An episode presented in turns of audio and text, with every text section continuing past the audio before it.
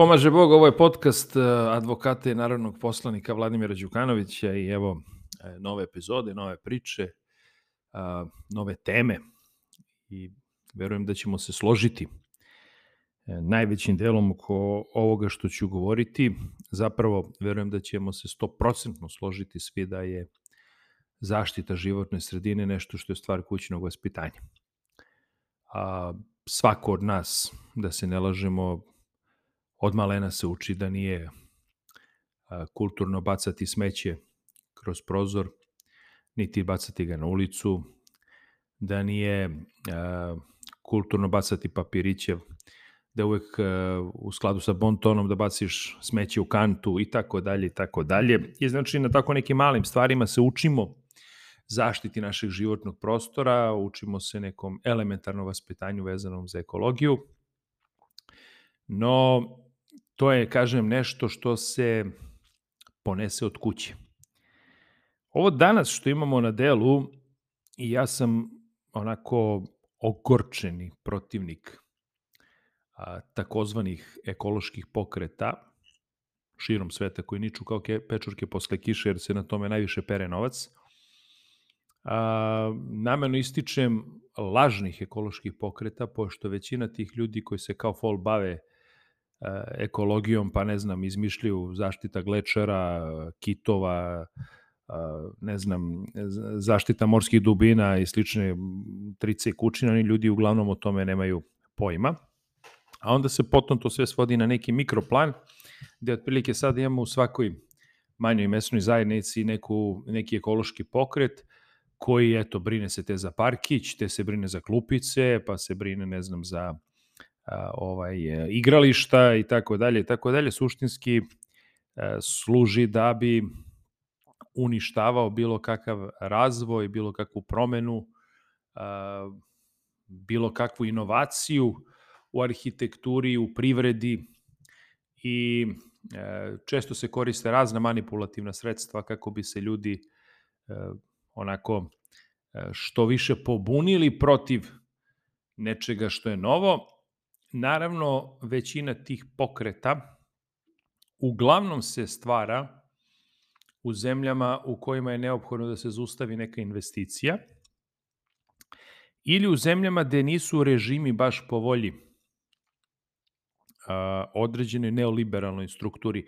Primetit ćete da su većina članova tih lažnih ekoloških pokreta uglavnom ljudi koji su politički nakačeni ili kako bi se danas moderno reklo linkovani na pojedine neoliberalne strukture koje haraju e, svetom i kao što ste videli recimo oni su bili strahoviti protivnici Donalda Trumpa u Americi onog momenta kada je Trump sišao sa vlasti odjedno više nisu tako aktivni. Znači oni služe kao deo jedne obaveštajne zajednice, ponekad su do te mere agresivni da a, se to graniči nekada i sa određenim terorističkim ispadima, neretko su to radili po Nemačkoj, na primjer, pa se, ne znam, vezuju u lancima za, za fabrike, pa sprete da će se dići u vazduh, i tako dalje, i tako dalje. Znači, imate i do te mere takozvani taj ekološki terorizam, to se inače proučava na određenim fakultetima bezbednosti, šta je to ekološki terorizam. I ovo je tema koju moramo da razgovaramo zato što a, većina tih pokreta, kažem, stvara su zemljama gde je potrebno destabilizovati privredni ambijent neke zemlje ili urušavati neku vlast. A, a kažem, najčešće su skloni tim liberalnim krugovima i mahom su levičari. Znači, neverovatno, ali mahom su levičari, dosta su nakašeni na čuvenu antifu, dosta su nakačeni na te razne marksističke pokrete i slične gluposti, trice i kućine i to tako funkcioniše ovaj, kako bi je tako, zaustavila se negde neka investicija. U Srbiji su sad to počeli posebno da rade, mahom se suprotstavljaju kineskim investicijama, jer naravno trebalo bi zaustaviti prodor Kine ka zapadnoj Evropi, i onda se to obilato koristi izmišljajući gluposti priče o a, ne znam, zagađenosti vazduha u Boru i slično. Evo recimo konkretno kad navodimo zagađenost vazduha u Boru, ja moram da vas podsjetim da je nekada u Socijalističkoj federativnoj republici Jugoslaviji kada je radni, radio rudnik e, Bor, odnosno e, rudničko-topioničarski basen Bor, da je tada bila u tom periodu pa jedno 50 puta zagađenija životna sredina i, i kogod je ikada živeo u Boru ili boravio tamo, znao je dobro šta znači zagađen vazduh.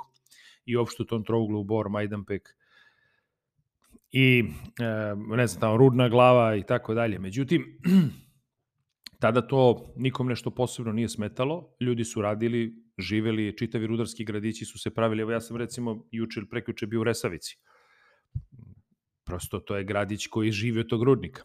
Čitava despotovačka opština Ćuprija, i tako dalje, živi od toga. A, međutim, danas kada su Kinezi došli u Bor i kada su doneli daleko savremenija sredstva zaštite životne sredine nego što je to ikada bilo, a moram da kažem, kogod to prati, dobro zna da Kinezi su baš um, investitori i uopšte u Kini, uh, oni su baš uh, onako na tom planu strahovito napredovali na zaštiti životne sredine, jer sam Peking, na primjer, i mnogi kineski gradovi imaju te određeni problem sa zagađenošću zbog nedostatka vetrova. I vazduh je strahovito zagađen u Kini i onda oni ulažu milijarde i milijarde dolara kako bi to regulisali i između ostalog i svuda da idu da grade donose najsavremenija sredstva zaštite životne sredine. Tako da priča o zagađenosti bora ne stoji, nego je to samo pokušaj da se kineski investitor otera, kao što će to raditi verovatno i u Smederevu, kao što će to raditi na mnogim drugim mestima gde bi došla, gde bi došla neka značajnija investicija, ali koja nije zapadna. Međutim, kažem, ovi ekološki pokreti nekada ciljeno i po zadatku e, napadaju i poneke zapadne investicije, jer zašto bi Srbija bila ta koja je ekonomski jaka? I vi sad imate situaciju recimo oko Rio Tinta. Ja sam šokiran inače da neko hoće da otera Rio Tinto, za mene su to potpuno ludi ljudi. Najpre zato što radi su jednoj od najvećih svetskih kompanija koja čim dolaskom zapravo vi biste rešili u mnogome svoju i ekonomsku i finansijsku situaciju, da ne govorim koliko biste rešili svoju bezbedonosnu situaciju jer ko bi vas ikada napadao kada jedan takav veliki investitor a, iz Sjednjih američkih država dolazi na vaše, na vaše područje, ko bi vas ikada igde dirao. Ali, e, povrh svega toga, sam Rio Tinto bi donao neverovatnu zaposlenost u zapadnoj Srbiji, donao bi nam ozbiljnu stabilnost, donao bi nam ozbiljno liderstvo na ovim e, prostorima, posebno danas kad imate situaciju da je ozbiljan problem sa proizvodnjom tih baterija i opšte a, a, takve a, ovaj takvih proizvoda u, u, u svetu, znači mi bi ovde bili potpuni hit. Međutim, eto, to nekom smeta i onda se organizuju raznorazni glupavi kretenski protesti koji služe za zamajavanje naroda, jer vi sad kad pitate te ljude, pa dobro, hoćete platu, kažu, hoćemo platu. Pa hoćete da Srbija privredno raste, hoćemo da ih pitate, a što onda oterate Rio Tinto? A, kažu, strašno je bitna životna sredina. Uzgled budi rečeno, o toj životnoj sredini nikada nisu vodili računa, baš ti koji protestuju. I e, znate, sad kad neko kaže da je danas Srbija mesto sa zagađenijom životnom sredinom nego što je to bila, ne znam, od 2000. do 2012. pa možda bi mogo da se složim do nekle, ali to je pre svega zbog činjenice zato što su tadašnje vlasti zatvorile gotovo sve fabrike, ovde ništa nije radilo. I naravno da u toj situaciji kad imate zatvorene fabrike, da i nemate gotovo zagađenost, jer kad ne radi ništa i niko ne prima nikakvu platu i kada su ljudi na belom hlebu, pa normalno da ćete onda imati čistiju životnu sredinu jer ne radi ništa.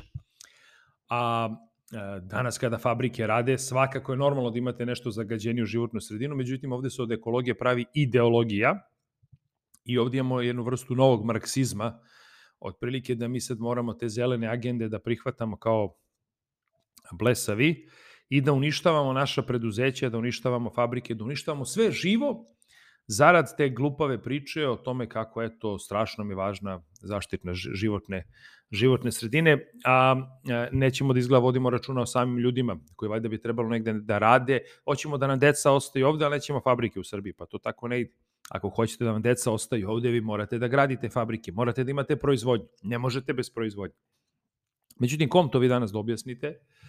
Kada vi ovde danas imate jednu medijsku galamu, halabuku, imate raznorazne pokrete koji ili kroz tu lažnu priču o ekologiji vam zaustavljaju investitore ili kroz tobožnu priču o zaštiti radnika i ne znam čega teraju takođe investitore. Sad pazite, to odvratno licemerje koje ovde vlada, tu, tu, tu strašnu hipokriziju koja ovde vlada, gde oni koji su zatvorili sve fabrike, i stvorili su zemlju u kojoj su ljudi e, ručali svoje prste iz protesta tako što su ih sekli pred kamerama ručali zato što im je neko uništio fabriku ili koji su zakivali e, šake u, u, u letvice e, ili gde su se ljudi vezivali lancima za, za fabričke, fabričke ovaj, kako se zove, za fabričke kapije, gde su ostali goli zidovi i gde su ljudi masovno vršili samoubistva tako što bi se ili obesili ili skočili sa zgrade ili pucali u slepočnicu zato što je bilo potpuno beznađe jer su ostavljeni bez posla. E sada ti koji su sve to priredili, navodno se strašno brinu za vijetnamske radnike u firmi Ling Long. Cela poenta je otirati Ling Long kao jednog od eh, najvećih giganata u proizvodnji guma. A, slično vam se nešto dešava eh, i sa pričamo oko proizvodnje energenata. Pogledajte danas kakav imate haos u proizvodnji energenata u čitavom svetu i sad zamislite da je Srbija recimo obustavila proizvodnju uglja, a, pa to bi bila potpuna katastrofa za ovu zemlju, mi ne bismo danas imali struju. Ali svakako ovdje ima pametnog sveta, pa imamo i ugalj, a, Bogu hvala možemo i da proizvodimo struju i tako što imamo veliki đerdap, imamo, imamo resurse, gas obezbeđujemo iz Rusije, izgleda bi to neko da zaustavi.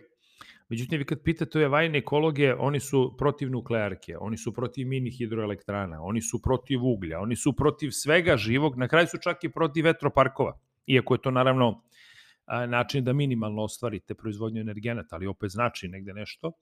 Međutim, oni su čak i protiv vetroparkova koji su potpuno ekološki, a zašto su protiv vetroparkova? E, zato što kao narušavaju uh, ovaj, e, e, ekostaništa ptica. I onda vi njih pitate, pa čekajte šta vi zapravo hoćete, ali hoćete da Srbija uvozi struju, izgleda da to negde njima cilj, jer sad zamislite recimo da smo mi ranije prodali elektroprivredu Srbije, ko što su neki genijalci ovde smatrali da bi trebalo to uraditi, da smo prodali elektroprivredu Srbije, da smo potpuno sve sveli na tržišnu ekonomiju vezano za proizvodnju energenata, mi bismo danas imali jedan potpuni haos ovde, zato što bi privatnik dizao tržišnu ekonomiju cenu struje, odnosno imali bi tržišnu cenu struje, on bi to dizao u nebesa i ne bismo mogli kao država da tu intervenišemo. Što je naravno u suprotnosti sa nekom tržišnom ekolo, ekonomijom, ali prosto moraju građani da, da, da opstanu, drugom mi držimo namerno nisku cenu struje da bi ovde što više investitora došlo. I to je, kao što vidite, ogroman broj investitora bukvalno beži iz Evropske unije, zato što ne mogu da podnesu ovu, e, ovu krizu koja je nastala usled nedostataka energenata i dolaze ovde gde je to negde povoljnije da se proizvodi. Takođe mi imamo a, ozbiljan skok i bum a, na neki način zato što kao što vidite Austrija se u kompletu zatvara, a, mnoge druge države i dalje primenjuju COVID mere zato što prosto stanovništvo to tamo tako hoće i samim tim kad tamo stane stanogradnja, kad stane sve živo zato što se ništa ne proizvodi pod milim bogom, onda onda ljudi koji žele da investiraju dolaze u zemlje gde nije taka rigidnost u tim merama kao što je Srbija ovde i onda mogu da ovde investiraju, mogu da, pogledajte kod nas je eksplodirala stanogradnja. Ali gde god hoćete negde nešto da izgradite, jave se koje kakvi ekološki pokreti, jave se navodni, navodni pokreti za nekakav urbanizam, i tako da oni, oni sad znaju kako bi trebala zgrada da nikne, gde bi trebala da nikne, da li, ne, da li bi zaklanjem, kaže, pogled preko ulice i slične gluposti. Znači, to je šokantno što mi ovde slušamo. Uh, uzgred, kad pitate većinu njih, pa dobro, ako vi baš tako volite prirodu, pa onda nemojte da živite na vračaru, nego lepo onda idite, ovaj, živite na selu. E, onda ne bi da idu na selo. Pa što kad recimo takvi ste ekolozi, volite da idete na selo, izvolite na selo, onda nije sporno. To je jako lepo s vaše strane, tamo imate sjajne pejsaže, imate divne poglede, fino, seoska kuća, niko vam ništa neće zagraditi, gledajte, imaćete sjajne poglede na planine, na brda. E, ne bi u selo, oni bi više volili da budu na Vračaru, a, naravno da Vračar bude samo za njih, da niko ne sme se doseli na Vračar, jer to je njihovo otprilike a, dedovina, kako bi oni to rekli, da se, oni bi volili da se oni op, ograde i da niko tu ne sme da uđe. E vidite, gospodo, to tako ne može. Svuda u svetu gradovi rastu, javlja se potreba za stanogradnjom, javlja se potreba za širenjem grada i to je nešto što je neminovnost. Kome se ne dopada, može slobodno da ide na selo i uopšte nikom ne brani. Čak bi to bilo sjajno, doživimo srpsko selo a, i onda tamo se lepo bavite ekologijom i zaštitom životne sredine i ne dozvolite da se taj seoski ambijent naruši. Ali nemojte da nas terate da pravimo a, koje kakve besmislene a, kompromise, a, da ne širimo grad, a, odnosno da ne omogućavamo novi stambeni prostor, a toliki priliv stanovništva imamo ka gradu. Znači, nemojmo da budemo tu onda licemeri, nego budimo krajnje korektni ljudi i kažemo zapravo o čemu se, o čemu se radi. E sad, naravno da se ovo dosta reflektuje na samu uh, političku situaciju, političku krizu, jer uh, lako je pobuniti ljude i reći e, čekajte, strašno, narušava nam se ekologija i tome slično. A onda vi kad pitate ljude, pa dobro, evo, nećemo nigde ništa da izgradimo, niti ćemo ni jednu fabriku da pokrenemo zato što, ja tako, razmišljamo o životnoj sredini, a hoćete da primite platu. Hoćete da živite od nečega. Pa kad ljudi kažu hoćemo, onda ih pitate pa od čega ćete? Da biste primili platu morate da imate proizvodnju. A prosto neminovno je, neminovno je da fabrika radi ako hoćete proizvodnju. Nema kvalitetne ekonomije bez novog proizvoda. To vam je valjda jasno a svaki novi proizvod izdiskuje određeno trošenje energenata. A da biste trošili energente svakako ne možete baš da imate u potpunosti kako ste vi zamislili životnu sredinu ovaj, da posebno u tim većim gradovima ili u tim industrijskim zonama da vam ne znam cvete, cveće, ljubičice i slično i da uživate u blagodetima prirode u industrijskoj zoni. To tako, to tako ne ide. Tako da mi moramo sebi jednom da kažemo šta mi zapravo hoćemo. Šta mi zapravo želimo. Hoćemo ekonomski jaku Srbiju, ako hoćemo, ona mora da radi, mora da se zaposli. A ako hoćemo da glumimo e, ekologe, onda, gospodo, prva i osnovna stvar je da odete na selo. Znači, fino na selo da budete i da tamo se bavite zaštitom životne sredine, da e, se bavite malo poljoprivredom, i da osetite zapravo šta je to šta je to životna sredina. Jer ovako od ovog licemerja svako će, svako će imati, imati štetu. Čitam razne ove naslove, čitam razne tekstove a, o, o tobožnji ugroženosti životne sredine. Ja sam na stanovištu Donalda Trumpa da inače su te priče apsolutna prevara i da je to zamajavanje ljudi. Ali, e, ok, e, svakako da ukoliko mi sami od sebe ne, po, ne pođemo, to sad opet ono vraćam na početak čitavog ovog izlaganja. Znači mi prvi sami od sebe moramo da pođemo i da vidimo koliko mi sami činimo a, nešto na zaštiti životne sredine. Recimo paradoksalno mi ovde da o zaštiti životne sredine pričaju mi ljudi čiji, na primjer, porodice imaju po 3-4 automobila u Beogradu. Pa nemoj da imate kola, idite biciklom. Budite ekolozi. Nemojte da svako od vas koristi automobil i da imamo uh, saobraćeni kolaps u Beogradu svaki dan, a da pričamo o zaštiti životne sredine. Zato što svako to vozilo uh, ispušta je tako, neke, neke gasove, odnosno ispušta određene otrovne materije i sam sad ćete vi reći pa zašto ne pređemo na, na ekološka vozila, pa super, ali ovde nema niko para baš da kupuje Teslu i i slično. E, tako da ni vi to nemate, ali zato imate po 3-4 automobila koje su Eurodizel, na primjer, ili koje su, ne znam, čak i benzin i tako da. Znači, nemojte da budemo tu licemeri, nego budimo korektni krajnje. Pa evo, recimo, ne, rasprodajte kola koje imate i fino pređite na bicikl. Ja bih voleo da vidim da u Beogradu imamo što više bicikla.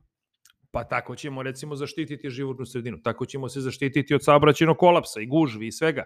Ali ja to ne vidim da se radi ali samo slušam licemerne priče a, posebno ovi koji su u krugu dvojke, kako nam je strašno potrebna životna sredina, kako štitimo naše parkiće, kako ne znam šta. A svi hoćete da dođete u centar. I svi hoćete tu da živite. Pa ako hoćete svi da živite u centru, onda znate, mora se sazida zgrada. Mora da se sazidaju stanovi. Inače, ne znam kako drugačije. Ja se ježim, moje naselje gde ja živim na Banjici je bilo prelepo naselje, puno zelenila. Fantastičnog zelenila. To danas, posle mojih 43 godine života, kako živim u toj zgradi, je nebo i zemlja u odnosu na kad sam se ja rodio, kad sam ja, ja e, svoje detinstvo ovaj, provodio u tom kraju. To je danas autostrada, nažalost, postala da mi više nemamo nigde mira, niti bilo kakvu oazu. Imamo potpuni kolaps, smeće da god se okrenete, ali to je sudbina velikog grada. To je sudbina ogromnog nasilja. To je sudbina ogromnog broja ljudi koji dolaze u Beograd. Šta da radimo? Da iselimo te ljude, šta, ne znam, da, da ih pobijemo. Mislim, nije mi jasno e, šta, šta da činimo. Da pozatvaramo prodavnice, da pozatvaramo radnje, da ne znam, da, da, da se zabrani vožnja automobilima. Ne znam da li znate, ali evo recimo kod mene u nasilju ne postoji mogućnost čak ni parking ljudski da nađete. Zato što kod to svaki stanar, svaki stan ima po dva automobila. Jedan, dva, neki imaju či, čak i tri automobila. Kako mislite da tu živimo onda normalno? O čemu pričamo onda? Pre tome svest kod naših ljudi je sasvim drugačija i ako je to već tako, onda moramo da se prilagođavamo i da krenemo sami od sebe. Ako hoćemo zdravu životnu sredinu, krenimo sami od sebe, ne bacajmo smeće sa terase, ne bacajmo opuške, ne prljajmo životnu sredinu tako što ćemo svaki papirić da bacimo na ulicu. Učimo decu kako da budu fino vaspitana, da smeće bace u kantu. Hoćemo da zaštitimo reke, ali tako? Pa nemojmo da stare automobile guramo u iste. Šporete, mašine, a to se radi masovno. Vi sad kad biste počeli da ronite po Dunavu, Savi, po Moravi, po Ibru, nije važno, Ko zna koliko biste pokućstva našli, koje je fjuknuto, kauče i tako. A što to radimo? A onda ćemo da pričamo o zaštiti životne sredine. Onda ćemo da se čudimo kada reka poplavi. Pa naravno da poplavi kada svašta bacite u nju. A ćemo da se čudimo kako je to strašno, kako se ništa nije preduzelo. Ne, ne, mi smo krivi. A onda ćemo da slušamo razne ekološke pokrete kako je vlast kriva, kako je nije zaštitila životnu sredinu, a čekajte, a gde smo tu mi? zato ja nemam nikakvu dilemu da su ti lažni ekološki pokreti zapravo čisto obaveštene agencije, obaveštene strukture, zapravo njihove ispostave a, i služe za destabilizaciju, pre svega privrednu destabilizaciju jedne zemlje.